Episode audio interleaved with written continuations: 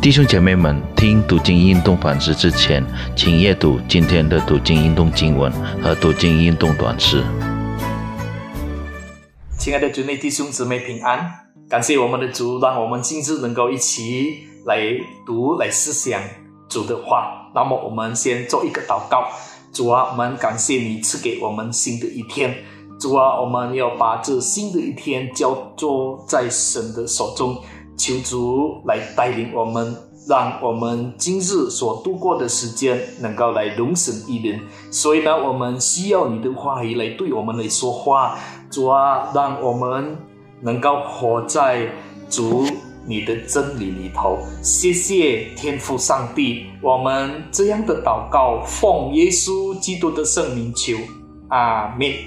弟兄姊妹，今天读经运动反思呢，是从启示录的十九章，所以呢，希望大家能够把启示录的十九章能够读完。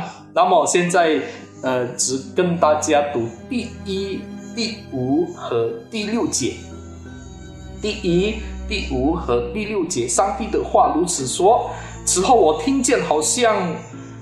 呃，群众在天上大声喊说：“哈利路亚！救恩、荣耀、全能都属于我们的上帝。”有声音从宝座出来说：“上帝的众仆人啊，凡敬畏他的，无论大小，都要赞美我们的上帝。”第六节，我听见好像群众的声音、众水的声音、大雷的声音，说：“哈利路亚！”因为主我们的上帝全能者做完了，阿明读经到为止。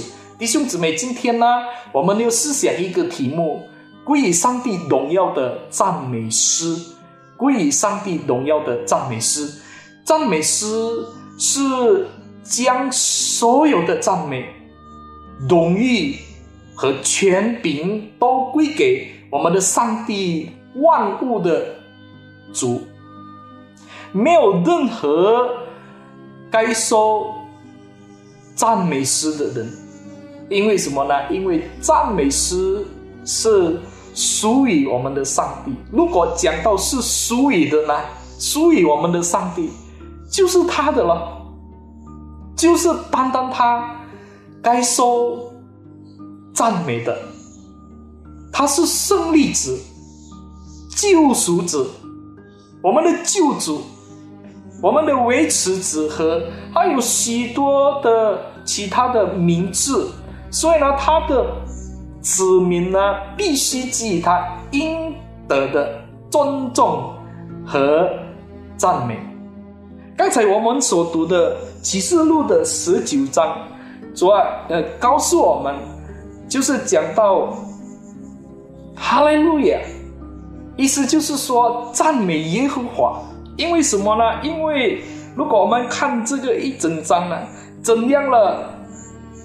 他们献上诗歌，因为敌人被打败了，因为这个巴比伦呢被审判了。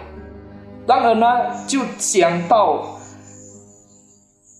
这个羔羊的宴席上。基督战胜了比基督子假先知和他的追随者，被庆祝，并归于上帝荣耀的赞美诗被歌颂。第十九章的第一到第五节呢，胜利者就是讲到基督呢，作为骑白马子出现，他是按公义审判和。战争的君王，审判和征战这个两个词都，呃，都是用现代时写的，什么意思呢？意思就是说呢，基督和他的敌人的战争是正在发生，继续发生，并在他的。再临达到高峰，那通过他的死亡和复活呢？基督战胜了与撒旦的战斗。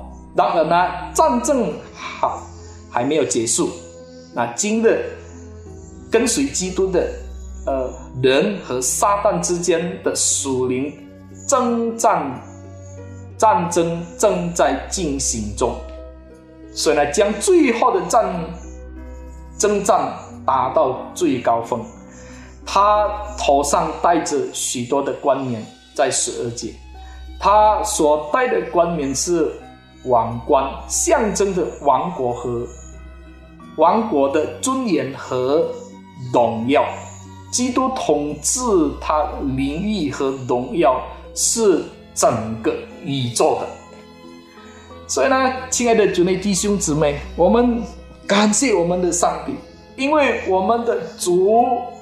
是我们的王，他是宇宙万物的主宰，宇宙万物的王，他胜过了，他是得胜者。我们感谢我们的主，弟兄姊妹，当我们成功取得了许多的成就，不论是我们的商业、我们的职业、我们的学业。或者我们的研究等等，除了我们要感谢我们的上帝，我们必须把所有的一切赞美归给我们的主，因为赞美是属于我们的上帝，他是该收，或是他配得收我们一切的赞美，所以呢，我们的口呢。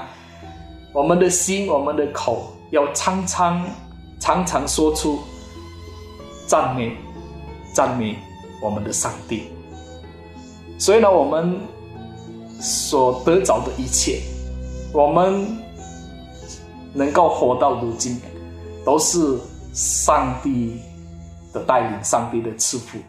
所以呢，我读一个经文，作为我们今早的结束的。分享，就是在《生命记》的十七章，《生命记》生对不起，《生命记》八章十七到十八节，就是摩西劝告他的百姓，他这样说：恐怕你们心里说，这货才是我力量、我能力得来的，你要纪念。耶和华你的上帝，因为得货财的力量是他给你的，所以呢，弟兄姊妹，我们的一切，我们的一切的成就，都是上帝的带领，上帝给我们的力量，让我们能够有如今。所以呢，让我们每时每刻，我们要赞美我们主，因为他是配受赞美的。我们进入祷告，主，我们感谢你，感谢你让我们都能够一直来感受主你的恩典、你的带领。主啊，谢谢你的赐福，主啊，让我们的心中、让我们的口一直来赞美你、来荣耀你，因为我们的一切，我们能够活到如今，主啊，我们知道是你的带领，是你的赐福。因为你是爱我们的主，我们谢谢你天赋上帝。我们把一整天的时间都仰望交托在神的恩手中。我们如此祷告，奉主圣名求，阿门。上帝赐福大家。